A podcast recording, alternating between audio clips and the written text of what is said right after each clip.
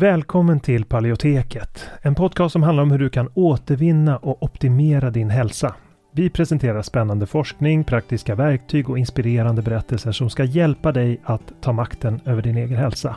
Vi som gör podden heter Karl Hultén och Anna-Maria Norman. En bristande maghälsa kan ge symptom i helt andra delar av kroppen. Det är något som många tyvärr inte känner till trots att mer än en miljon svenskar har IBS idag. Alltså problem med magen. Och tyvärr är magproblem i de flesta fall inkörsporten till annan ohälsa. Det kan vara inflammation, diffusa symptom, allergier eller autoimmun sjukdom. Och för att möta den här trenden av växande behov så har vi utvecklat kursen Maghälsa på djupet. Där vi går på djupet med att vända dålig maghälsa som SIBO och IBS.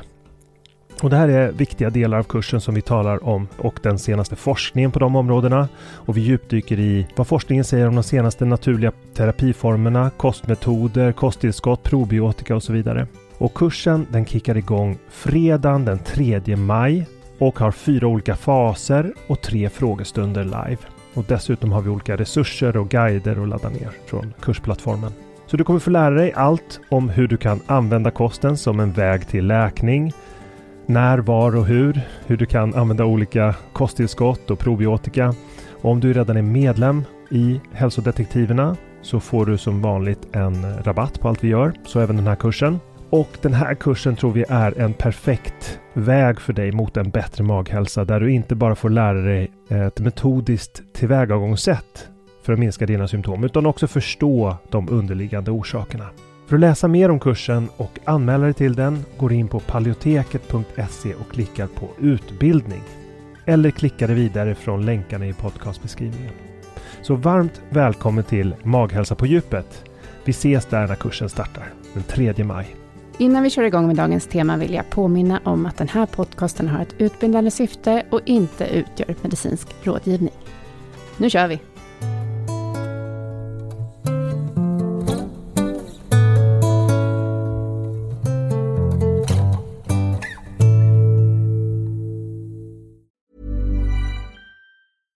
Hiring for your small business? If you're not looking for professionals on LinkedIn, you're looking in the wrong place. That's like looking for your car keys in a fish tank.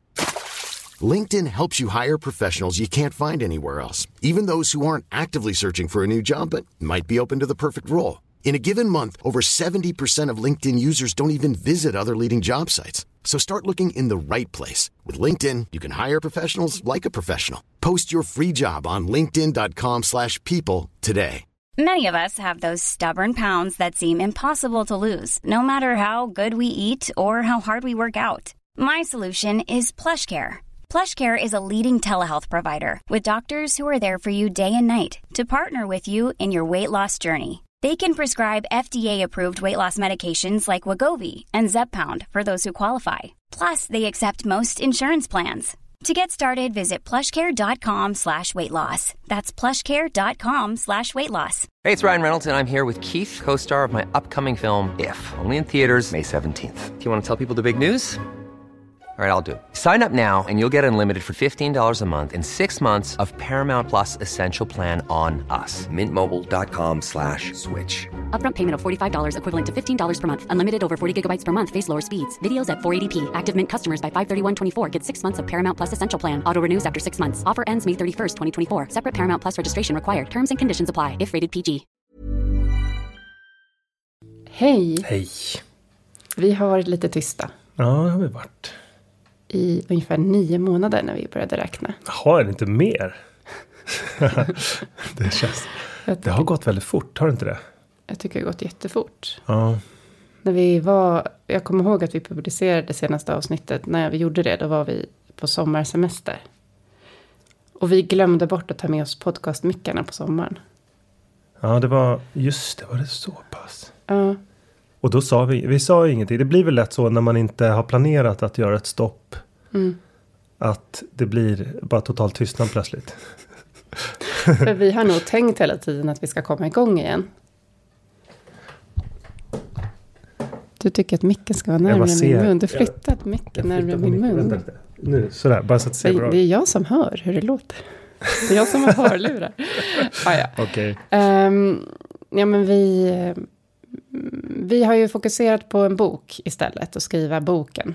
Den här Autoimmun Mm. handbok. Och eh, det är lite som att man inser det när man sitter i ett projekt som, som kräver så mycket fokus. Att det har ju varit lite svårt att eh, ha de här andra grejerna också då. Det låter som du sitter och liksom på så här kvartssamtal hos läraren och berättar. Förlåt! Förlåt! ja, ja, okej, ja visst. Mm, mm. lite så. men jag har ju lite dåligt samvete. För att jag tycker det känns så himla knasigt om att, att vi inte sa så här. Ja, men nu ska vi ha en paus på ungefär så här och så här länge. Utan vi bara Mm. blev helt tysta. Det tycker jag känns lite dumt. Men jag tror inte att det är någon som är arg egentligen. Utan det måste jag känna men- så. Alltså jag följer ju, eller vi har ju följt den här eh, Simple Life Together-podden som hade sändningar en- som upphörde för några år sedan. Mm. Eh, och när vi upptäckte den så var den redan tyst sedan några år tillbaka. Men fick ändå samma uppfattning Ja. om den podden. Och så plötsligt så efter tre års tystnad eller något i den stilen så bara dyker de ju upp igen. Mm. Ja, och, och levererar såna. två avsnitt och sen har det varit tyst igen i fyra månader. Och grejen är att sådana poddar, jag har ju haft kvar, jag har ju haft kvar dem i mitt flöde. Ja, Eh, för de stör ju inte. Nej. Är dåliga avsnitt i alla fall. nej, just det. Vi får hoppas att det folk kommer tillbaka då, helt enkelt. Mm. Jag är mest fascinerad över att det, fort, det kommer nya som lyssnar, tycker jag är roligt. För då kollar jag statistiken nu senast, nu när vi ska börja igen. Mm. och räknade liksom. Så, ja, men bara idag så var det 250 nedladdningar. Så, så, ja, vi har ju varit tysta i nio månader, så folk bara Mm. fortsätta lyssna. Det, det tycker jag ändå känns roligt. Ja, vi får Så se om det 67 går ner efter det här avsnittet. när vi 67 000 sitter och- nedladdningar under vår tysta period, tycker jag ändå kändes här lite roligt. Men vi kanske inte ska bryta den här fantastiska trenden av tystnad. Att det liksom kommer bli efter det här avsnittet när vi suttit och ordbajsat i tio minuter så kommer liksom ingen och då är det två, från 250 till 5 eller Till något. fem, ja. Vi, ska ju inte ord, vi ska ju inte göra det egentligen i Nej. podden, alltså prata massa skit. Men Det handlar om vi, boken. men vi vill prata om boken idag. Eh, för vi har ju kommit ut med en bok som heter Automun handbok. Mm. Eh, och eh, det har ju varit en ganska lång resa, så jag tänkte först bara att vi skulle kunna bara berätta lite om processen med den här boken. Ja, För den har ju liksom funnits med oss ganska länge. mm. Jag började väl för kanske fyra till fem år sedan på den. Alltså i samband med att eh, Autoimmun kokbok kom ut. Mm. så var jag redan igång och skrev på den.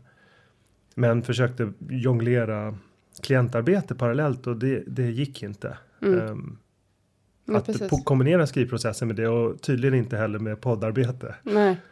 Eh, För att det, det, det tog upp så otroligt mycket fokus och men framförallt, för min del var det nog framförallt att det tog upp så mycket av sånt arbete, det, det inkluderar sånt arbete som jag em, tycker är väldigt jobbigt att slutföra. Mm. Eh, att textproduktion för mig är ganska lätt men, men ju- just det här när glädjen försvinner i det och man ska färdigställa och tvätta text Mm. jonglera flera olika eh, parallella processer Mm. så försvinner, försvinner glädjen i Mm, lite grann. Och då jätte- tar det så himla mycket bandbredd i skallen. Ja, men jag tror att vi, för jag var inte med från början, utan nu är ju vi båda författare till boken. Och det har ju skett successivt, Mm. att liksom jag mera gick in och var liksom redaktör och så där, kom med kommentarer och så där. Men sen efter ett tag så började jag liksom komma in och bara skriva om saker. Och, Ja, men sen så lyfter vi in delar som du hade producerat mer Ja. eller mindre helt, framförallt när det gällde beteendeförändringssidan och sånt som jag använt under grupputmaningar och så ja, men som precis, är, vi har ju texter som jag har skrivit helt och hållet. Men, men, men att det också kändes som att när vi väl började jobba ihop med boken, för det har vi gjort det senaste ja, ett och ett halvt året, eh, så har vi ju alltså fått väldigt olika roller, så att säga. Mm. Och du pratar om det här, men du är så himla bra på att grotta ner i saker. Mm. Och jag har mer överblicken. Mm. Och då blir det liksom bra att det, det blir de, den kombinationen av dem. Mm. Eh, och att vi då, jag ofta har sagt så här, men vänta, det här kanske behöver bli tydligare. Ja. Ska vi tydliggöra det här? Och då, blir, då sätter du då, så är du tyst i flera dagar. och så, ja, men det är bra, jag får inte störa honom. ett bra team på Ja, det sättet. nej men så. Så det finns ju vissa avsnitt som till exempel det kapitlet om tarmflora som jag tycker har blivit jättebra och även födoämnesöverkänsligheter som Mm. har mycket att göra med att vi liksom har bollat det fram och tillbaka och sådär. Ja, just. Mm. Eh, Men då kanske vi skulle komma in på och prata om eh, eh, stru- strukturen och liksom eh, funktionen? Alltså vad... vad är Ja. det- vad är Ja, vad den vem, vem, vem riktar sig boken till till att börja med kanske? Just det. Den, är, För den heter ju Autoimmunhandbok. Mm. Och vi hade ju tänkt från början väldigt mycket att det skulle vara riktat till personer med autoimmun sjukdom. Mm. För att det här kostupplägget, autoimmuna protokollet som vi beskriver och har som grund i boken, eh, att det liksom riktar sig främst till personer med autoimmun sjukdom. Men det är ju väldigt många andra personer med andra hälsobesvär som, som också kan få hjälp av det här, de här kostprinciperna. Så därför valde vi nu att göra en undertitel som är mer inkluderande. Mm. Så det är ju för dig med inflammation, magbesvär, allergi eller autoimmun sjukdom. För att Ja, göra precis. målgruppen lagom Ja, men det, det gäller väl att liksom, ah, det blir svårt, man, man måste ju på något sätt rikta sig till den gruppen som har allra mest eh, utväxling av metodiken, alltså som får allra störst symptomlindring och nytta. Och det är därför vi har riktat oss primärt till den autoimmuna gruppen i namnet på boken. Mm. Men boken har ju också en roll vid alla de här tillstånden som du säger som har att göra med överkänsligheter, med magbesvär, med inflammationer som är mer diffusa. Och även till folk som har som mål att kanske bara hälsooptimera eller prestationsoptimera. Mm. Så att det finns alla de här nivåerna och beroende på vad man har för ambitionsnivåer med sin egen hälsa. Mm. Mm, Jag menar människor som har höga ambitionsnivåer kanske inte behöver ha en autoimmun sjukdom utan bara vilja optimera och se och, och liksom kanske hitta vissa fallgropar som de har Mm. med kosten eller livsstilen som kanske hindrar dem i deras egen progression mot olika typer av mål. Absolut. Nej, men det, det är ju, man kan ju fortfarande vara liksom väldigt, om man säger, en, en eh, sport, eh, sportig person eller liksom till och med tävla och fortfarande ha överkänsligheter till exempel. Mm. Alltså det är ju inte ett motsatsförhållande. Nej, Så och då att- är boken jättebra verktyg för att hitta dem. Ja, men verkligen. Nej men, Så, ja just det, förlåt. nej, men jag bara tänkte att det, det, det är ju en fakta och en metodbok kan vi säga. Om vi ska Mm. rama in det, vad är det för typ av bok? Ja, ja men ja, den, den innehåller en, en faktadel som är ganska omfattande. Så den, den djupdyker i liksom forskningen och förklarar varför kostprogrammet ser ut som det gör. Försöker och gör eh, ett allvarligt försök att verkligen beskriva varför det här fungerar. Mm. Även om vi eh, såklart inte har hela bilden ännu. Om var, alla delar av varför det autoimmuna protokollet funkar så, så är det här ja, det, det, det främsta ansatsen, det, det främsta eh, projektet för att beskriva verkligen alla aspekter. Mm. Och jag tror att vi, vi har en bredd där. Eh, även om vi inte Boken är inte supernördig. Den kan läsas av även personer som inte har någon vetenskaplig bakgrund. Men vi har ju en bredd i att beskriva alla de mekanismer som påverkar som jag Mm. tycker inte finns i någon annan bok. Mm. Så det, det känns väldigt bra att ha fått med alla de bitarna. Mm. Ja, men dels det och sen så, för då har vi, det har ju fyra delar, det är som två faktadelar kan man säga. Den första delen kallar vi immunhälsa. Mm. Och det är där vi går igenom immunförsvarets samspel med maghälsa till exempel. Mm. Som är en viktig del, att, att beskriva det. Och hur det hänger samman. Och vi går även, har också som en liten grundkurs i hur immu- immunförsvaret, hur immunförsvaret är sammansatt. Ja, precis. Och hur det Eh. samspelar med maghälsa och hur det ser ut i själva tarmväggen där. Hur Mm. immunförsvarets utbyte med tarminnehållet ser ut och så. Precis. Och även kopplat till, ja men vi går på djupet när det gäller tarmflora, den senaste forskningen gällande tarm, tarmflora. Ja, hela det kapitlet känns som att det, det var väldigt svårt att begränsa det kapitlet. Det känns som att det skulle nästan kunna blivit en egen bok. Mm. Och det blev ju ändå en, eh, vad är det, 30-40 sidor av ganska omfattande eh, djuplodande beskrivning av hur normalfloran kan påverka, ja, hur delar av normalfloran kan påverka autoimmun sjukdom och hur vissa typer av fibrer kan, kan göda bakterier var i tunntarmen och vad det kan betyda. Så den, den känns som att ja, det fick ett, ett stort utrymme men, men där finns ju egentligen grund för en helt egen bok Mm. eh, med tarmfloran. Verkligen. Så den, den, den och kanske kombination med hur på vilket sätt födoämnesintoleranser bidrar till ökade symptom. Alltså när Ja. man reagerar på, på livsmedel. Det är kapitel 4 där. Mm. Eh, De två, de två kapitlen är väldigt viktiga och de har därvid lagt mycket krut också. Mm. Ja men verkligen. Och det är liksom i, i det här kapitel 4 om födoämnesöverkänslighet, har vi verkligen försökt, det finns så många olika begrepp kring det här, men vi har försökt hålla oss till liksom formella Mm. eh, begrepp också, för att definiera vad det är för Ja, ty- just det. olika typer av överkänsligheter, där liksom, det finns allergier och sen finns det intoleranser, och det eh, Mm. att vi liksom skiljer på det. Precis, och där har ju, där finns mycket, det är mycket förvirring kring nomenklaturen där. Mm. Och vi försöker att eh, lägga, ja men slå fast vad man ska använda för ord helt enkelt. Um, och det är också i linje med den internationella. Eh, World A- Allergy Organization, tror jag. Precis. Mm. Det har skrivits en del i Läkartidningen om det där med nomenklaturen kring överkänsligheter. Och eh, där, där det har påpekats vilken förvirring som faktiskt råder bland landets läkare. Mm.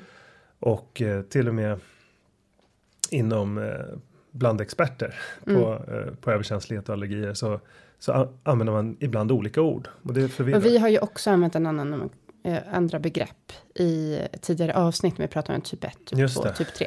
Alltså så vi har ju också använt den gamla. Ja, det Fast blir lätt så när eh, man tar nu, del av och Nu i litteraturen. boken så försökte vi att göra det så korrekt som möjligt. Mm. Ehm, och ja, men så, så att man, det handlar ju väldigt mycket om, sen den första delen, tänker jag, del 1, immunhälsa. Den handlar ju väldigt mycket om att man ska förstå sig på sina egna besvär. Alltså vad är det det kommer ifrån? Vad är det som ligger bakom? Ehm, och jag tänker att den här delen kan man ha användning av, även om man kanske inte tänker sig använda AIP i dess helhet. Mm. Utan att det, det lägger en grund för en, en förståelse för sin egen sjukdomsbild eller sin symptombild. Mm. Ehm, så att, så att den, den är på något sätt fristående. Den kan man läsa fristående. Mm. Det är så vi har försökt göra boken också. Att, att man ska kunna använda den lite som ett referensverktyg och bläddra i den och läsa den. Antingen från perm till perm eller bara de kapitel som man själv tycker då är relevanta. Eller hur? Ja, precis. Att, ehm, ja, vi, vi tänker oss väl att människor kommer in med väldigt skiftande erfarenhet. Jag menar, även om det här har funnits. Vi har ju pratat om det här ett antal år nu.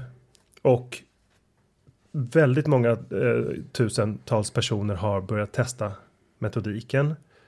Eh, och, det, och det vet vi eftersom eh, Autoimmun kokbok har sålt i eh, 10 000. Ja, omkring 10 000. Vi har tryckt upp fyra Eh, eh, nytryckningar på den. Så den, den har ju, och då vet vi att den, den tillämpas, den utlånas på bibliotek, med, människor tillämpar metoden utan att ha receptboken. Jag menar, det finns ju mycket att tillgå på nätet och sådär. Eh, och det är många av dem som kommer in och kanske vill göra de senare delarna av boken som har att göra med kanske felsökning, optimering. Eh, vi, vi har ju i den delen av boken en lång rad verktyg som kan användas för ytterligare individanpassning som vid sidan av att hitta överkänsligheter. Mm. Um, och några av de främsta verktygen anser jag är just blodsocker. Det finns ett, en, en ganska omfattande del kring blodsockerreglering som är väldigt viktig att få med som ja, som har att göra med eh, på vilket sätt blodsocker, bristande blodsockerreglering kan lägga krokben för en när man ska försöka minimera sina symptom. Och då finns det flera vägar att, eh, flera olika strategier att hantera det och komma till rätta med det. Så, så det verktyget är väldigt viktigt och sen även de här eh, delarna som har att göra med eh, fiberbegränsning eh, som också ligger i verktygsdelen. Så, så och där finns en lång rad verktyg. Vid, vid, ma- vid, ma- vid magproblem. Det är det vi Ja, precis. om. Att, Så det finns just det, eh, både det steget och stödsteget när man, hur man stöttar upp magsmält, matsmältningen och probiotikasteget. Mm. Eh, som faktiskt har, där det finns massor med evidens. Mm. Hur många studier som helst som visar att det här kan påverka olika autoimmuna sjukdomar. Då. Ehm, blir ju det väldigt hands-on. Att det verkligen är tydligt hur man kan använda just det verktyget. Det, det här är delar och pusselbitar som har saknats tycker jag. Det finns ingen annanstans eh, samlat på ett ställe så här. Jobba med blodsockret, jobba med stödja upp mat, matsmältningen, jobba med fiberbiten och probiotika. Så det här är väldigt viktiga verktyg för att, för att komma vidare, felsöka och optimera. Nej, men för att Ehm. vi, vi du, du, det du pratar om nu är ju det som vi kallar för del fyra. Vi har fyra delar. Eh, Mm. Och det kommer ju på något sätt efter det som vi kallar för AIP-metoden. Eh, för AIP-metoden är ju som att testa det autoimmuna protokollet i dess grundform. Ja, det är, Eh, det är ju och- det som funkar bra för de flesta. För de flesta, precis. Ja. Och sen så är det då att vi rekommenderar och vill liksom eh, förespråka att man gör utvärdering av det upplägget kontinuerligt. För att man inte bara ska köra på, för det är också så här att det är väldigt många som har provat kanske det här kostupplägget och sen har de inte riktigt blivit bättre. Men då tycker vi inte att det, det är inte så man ska göra, att man bara fortsätter och antar att man ska bli bättre. Nej. Utan så här, har man efter 30 dagar känner man att man inte har blivit känt någonting. Så ska man ändå ta ställning på något Ja, sätt. man behöver ska kanske vidare. gå på felsökningsstegen. Mm. Och, ehm, att inte- nej, precis. Att inte bara köra på och stånga huvudet i väggen. Mm. Det finns, finns ingen poäng med. Men sen menar ju vi också att om man har känt lite förbättringar och känner att man är på rätt väg så kan man fortsätta ja, med grundprogrammet. Så att säga. Ja, så att, precis. Så att det är ju det är liksom inte som att man måste börja med de här felsökningsgrejerna på en gång heller. Men, men att det ändå finns där, att man får ta ställning till det mm. regelbundet. Då. ja, och e- efter man har tillämpat de här metoderna, de här verktygen i verktygsdelen så eh, försöker vi också leda vidare. Ja, men vad blir det här långsiktigt då? Hur kan Mm. det se ut? Mm. Så jag är väldigt eh, nöjd med det här i eh, eh, dags att summera avsnittet i slutet av boken. Mm. Eh, 325 där vi eh, Sid 325. Ja, eller Alla som in- sitter med boken in- och bläddrar nu kan gå till sid 325. nej, 317 menar jag. 317. Men vad heter det? Det beskrivs där en mer långsiktig plan. Hur kan Mm. en långsiktig kost? Vad gör man när man får försämringar? Mm. Eh, hur etablerar man ett team kring sig som kan hjälpa en? Vad, hur, vilka experter kan man vända sig till? Vad, vad är poängen med att få en diagnos? Mm. eh, den, där, den här biten eh, tror jag är väldigt nyttig att se hur andra har gjort. Vi lyfter fram några exempel på eh, ja, några beskrivningar helt enkelt från människor som har följt Mm. AIP länge, hur deras liv ser ut och hur det kan se ut efter återintroduktioner och hur det kan se ut när man kombinerar den individanpassade kosten kanske med vissa kosttillskott och stöd för matsmältningen och så vidare. Mm. Så det där är eh, värdefullt att se hur det kan se ut och att det faktiskt skiljer sig ganska mycket från person till person. Ja, men absolut. Nej, men för att vi, vi gick ju igenom, du nämnde det där med att man, vilket, vilken stöd man kan få och så där. Där har vi, kallar vi kapitlet där, samarbete med specialister. Just det. Ehm, och där försöker vi också så här få en, ge en liten överblick på det. För att man kanske själv, alltså man har en autoimmun sjukdom. Det är det som är liksom, det är lite så här kluriga i det här. Är ju att man kanske har olika läkare då, beroende på vilken vävnad som är drabbad. Ja, precis. Fast egentligen så ser ju vi det som det är samma grundläggande problematik med Mm. ett felreglerat immunförsvar. Ja, precis. Mm, Att det är det som gör, men man kan ju, det är ju ofta, det är ju vanligt att man får flera autoimmuna sjukdomar. Ja, talesättet i, i branschen är väl att, eller i läkarkåren är väl att man drar på sig en var tionde år ungefär. Mm. Och när man har flera så kallas det för multiple autoimmune syn, eh, eh, syndrome. Mm. Kallas det för. Och det är eh, jag menar det är, ett, det är bara ett namn på ett, ett fenomen som beskriver, jag menar det är ingenting kost, konstigt. Vi, vi vet ju att de här sjukdomarna delar en, en grund som har att göra med maghälsa Mm. och tarmväggens struktur. Mm. Eh, nej men så det, Vi, har in, Ja. ja. vi har inte pratat om del två. Det handlar ju liksom om kostupplägget. Där vi går igenom så här, livsmedel Mm. att inkludera och livsmedel att utesluta. I AIP. Då, och beskriver på vilka grunder.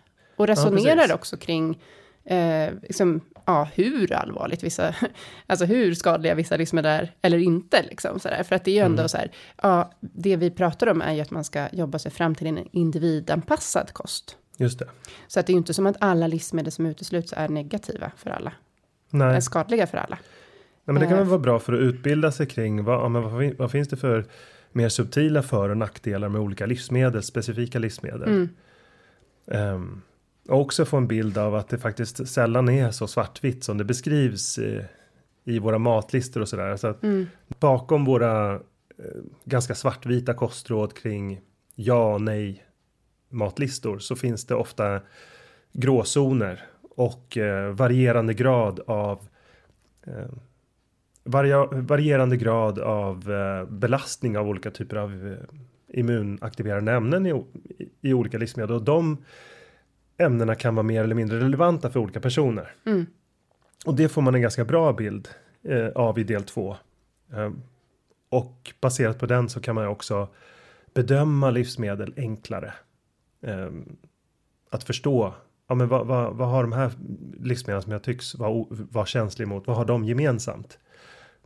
Och den här delen kopplar också samman till delar av Appendix där vi gjort en ganska omfattande ansträngning med just eh, eh, fiber och sockerartsdelen. Eh, jag tror vi har gjort den allra mest omfattande kolhydrattabellen som eh, existerar.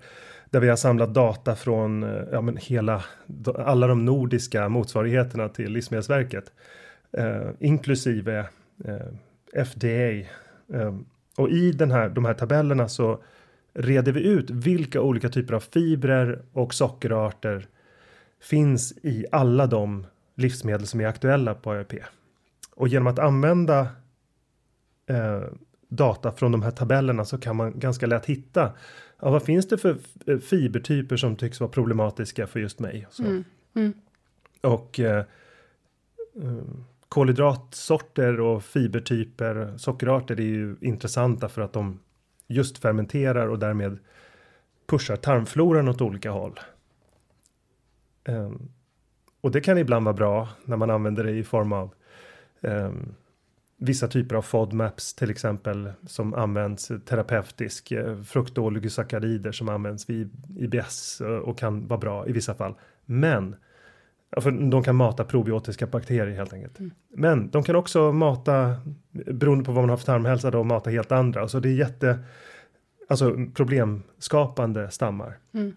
Och det är mer regel att det är så. Mm. Och därför så är det, är det eh, just kolhydrat tabellerna som vi har i slutet på boken väldigt användbara som verktyg för att kopplat till del två där att vilka livsmedel är det här som orsakar problem. Mm. Så. Ja men verkligen. Um, ja, men där, det var det också på slutet av när vi höll på med boken att vi insåg att vi skulle ha med den här Bristol-skalan som är då som analyserar avföring eller liksom olika kategorier av avföring. Jo, men det har ju att göra med liksom symptombedömning också. Mm, precis. Och att, att, man behöver få hjälp med det. Eh, och den är, ju, den är ju väldigt vedertagen och använd också inom liksom, sjukvården och sådär. Mm. Eh, så att det, det, just när man, om man känner att man har problem med magen så är det ett bra verktyg. Ja. För att kunna se liksom, okej okay, nu har jag ätit på det här sättet och nu så reagerade jag på det här sättet och så där, så att man håller koll. Ja, mm. ja men den, den är ju väldigt jag tror bara i Sverige som vi liksom har ett sånt där aktivt ointresse för just avföringsbiten. Mm. Um, i, jag vet inte, har du tänkt på att toaletter i exempelvis Tyskland är, är konstruerade på ett annat sätt än i ja, Sverige? De platta sådär. Ja, just det. Ja. Um, jag vet inte varför jag kommer tänka på det här nyligen, men det där är ju inte något funktionellt. Alltså det orsakar ju bara problem. Alltså som, som svensk när man kommer och, ska mm. gå på en tysk toalett. Mm. Så man stör sig på det. Det känns för nära. Nej, men det, mm. Ja, det också. Mm. Men, men också att det liksom fastnar ju då. det, och det blir jobbigare. Ja, det, just det, skiten fastnar ju på menar, själva det, det är ju till för ytan. att man ska observera. Mm. Ja, just det. Det är eh, därför den är där, eller? Ja, för det finns inget funktionellt med den. Ja. Alltså, jag funderade över det. Varför ser den ut sådär? Ja.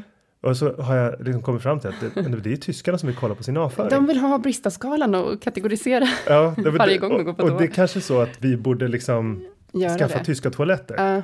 Ja, För det där är intressant och det betyder någonting. Ja. Det, det finns jättenära koppling mm. mellan avföring och symptomgrad mm. som människor glömmer bort. Det är väl därför bara att lägga fokus på den biten, mm. att det här är någonting som är bra att ha koll på parallellt med symptombilden. Mm. Så att man inte ja, bara... Och att det, att det är en del av symptombilden egentligen. Ja. ja. Och det finns också som man kan använda Bristol-skalan på olika sätt för att eh, åtgärda specifika, alltså man kan använda det för att eh, det kan avslöja, ja men vad är det som du har reagerat på? Mm. Baserat på Bristol-skalan, eh, vilken siffra det blir. Mm om det är gasbildning eller inte eller om det har blivit mjuk i magen eller inte. Mm. Um, ja men um, Ja men så den, den kopplar ju väldigt mycket ihop med hela den här den autoimmuna skalan som också används som en mm. slags. Den är väl en del av eh, bedömningskriterierna för hur, hur vi följer symptomförbättringar över tid. Mm. När det alltid finns en risk för att man blir hemmablind i sitt nya tillstånd, att man glömmer bort vad man har haft för symptom. Ja, det du menar är att vi, vi kallade det faktiskt sen för immunbarometern. Immunbarometern? ändrade ord. Ja. Men att, att man kan se att man graderar sina symptom Och att man har, Mm. tar reda på vad är mitt nuläge i min symptombild. Ja, Och, och sen att när man gör en kostomläggning så har man det som ett nuläge för att det är lätt att glömma bort också. Mm. Hur det var man kände för tre månader sedan. När man ska försöka säga om det har skett någon typ av förändring. just det. Så då kan man ju fylla i samma enkät igen. Så det är lite det vi föreslår liksom, i metodiken. Ja, och, de, och Mm. de siffrorna finns ju. De, de eh, sammanräkningen av autoimmuna au- immunbarometern använder man ju då sen i kostdagboken som vi har bra templat för sen. Mm. Eh, I slutet av boken som man bara kan. Ja, egentligen skulle man behöva en hel bok för det. Mm. Och det är ju. Och det är ju på gång. Mm. Eh, det ska vi komma det ut ska med. vi komma ut med. Exakt. En, eh, Allting görs bara inte sådär av sig självt. Nej, Det, vi hade som mål att den ska komma samtidigt, men, men så är det. Oh ja, men hur känner vi? Vill du prata mer om boken eller känner vi oss... eh, nej, men jag tänker väl att vi kanske återkommer till ja, den. vi, kommer, jag eh, tänkte att vi kan, vi har ju pratat om att vi ska prata om varje kapitel. Ja, Ja, så det kanske, men jag vill, jag vill i alla fall säga att den, den är ju väldigt fin, boken. Ja det känns... Ja, och det måste vi- ett särskilt tack Vi till. måste rikta ett särskilt Micke. tack till Micke. Ja. Ja. För vi har ju en formgivare som heter Mikael Larsson Micke. Som har liksom lagt sin själ i att den här boken ska vara så fin. Och Ja. det känns så himla roligt för att det känns också så fint att de personerna som ska läsa den här boken, som ska göra den här stora ansträngningen som det innebär. Att använda kosten Mm. eh, som ett verktyg för att må bättre. Kan liksom få ett vackert verktyg, att det inte bara är text rakt upp, rakt upp och ner. Nej. Utan han har lagt sin, sin själ i att hitta rätt bilder, att göra jättefina eh, Symboler. figurer Mm. eh, och hela formen. Mm. Och Ja, han har det- jobbat jättemycket. Och, och det är ju så här, som jag tänker också, vi ger ju ut boken på eget förlag. Och han har Mm. ju jobbat liksom eh, till stor del gratis för oss. Alltså han får ju betalt. Men, Mm. men om ett förlag, stort förlag skulle betala liksom en formgivare för att göra det här så skulle man det skulle aldrig gå. Liksom. Nej, det är väl därför det inte finns några liknande böcker. Nej, U- utan han gör ju det här, sig, han gör ju det här för att, han, för att han tycker det här är viktigt. Så. Ja, vi kan väl säga att det liksom, det- det- jag menar den här boken har, vad är det, 420, 400, fy- drygt 400 sidor. Mm, eh, av eh, väldigt välredigerad och, och väl genomarbetat mm, material. Det finns inga liknande. Det finns inga liknande böcker nej. kan man väl säga. Men det, och det är väl att det har blivit eh, som. Det har blivit ett projekt som har byggt på mer än bara liksom kalkyler kring hur mycket tid det tar. Det har ju varit flera år i Mm, det slutändan. har ju tagit orimligt mycket tid. Ja, men det, Mm. det känns som att det här verktyget, det betyder väldigt mycket att det, att det blev bra. Mm, Ehm, och, eh, och vi tänker väl också att boken ska ha ett liv under en lång tid förhoppningsvis. mm. Så um, ja, det är väldigt roligt att den äntligen är i Ja, mål. ja, men verkligen. Och sen jag vill bara tacka också Sara N. Bergman som har gjort eh, eh, framsidan, alltså illustrationen på framsidan och Mm. illustrationerna i det till delarna som är också gjorda. Eh, hon är ju liksom, har ju tecknat de här utifrån våra önskemål. Och det, Mm. framsidan är ju, ska ju symbolisera maghälsa. Ehm, Mm. så att det är ju, det var ju också eh, en illustratör på Mickes förslag. Så, Mm. så det är vi jättenöjda med. Ja, den är fantastiskt fin. Mm. Ytterligare en eh, grupp som vi inte får glömma är ju utvecklingsgruppen. Mm. Som vi, eh, ja men bara, bara den, bara det faktum att 120 personer anmälde sig som frivilliga inom ett dygn efter att vi frågade. Eh, jag menar det, det säger något om engagemanget som finns bakom den här eh, metodiken. Vilken otrolig drivkraft som finns hos människor som har provat. För det, det var ju inte det var inte eh, personer som bara var intresserade av eh, mat och inflammation utan det var ju personer som som fyllde i det här omfattande formuläret som, som vi la ut på grund av att de har fått ut nytta av programmet. Mm. En nytta av programmet eller var nyfikna på programmet. Ja. Eller jobbade med kostrådgivning kan man säga. Mm. Mm. Eller hälsa på olika sätt. Så ja, men vi måste ju rikta ett speciellt tack till Ja. alla de som bidrog med sin tid Ja men verkligen. och eh, läste igenom flera delar, eh, tillägg som vi har gjort, och, eh, förtydliganden. Men strukturen, är- hela strukturen gjorde vi om också. Ja. Ordningen på alltihopa. Just det. Mm. det.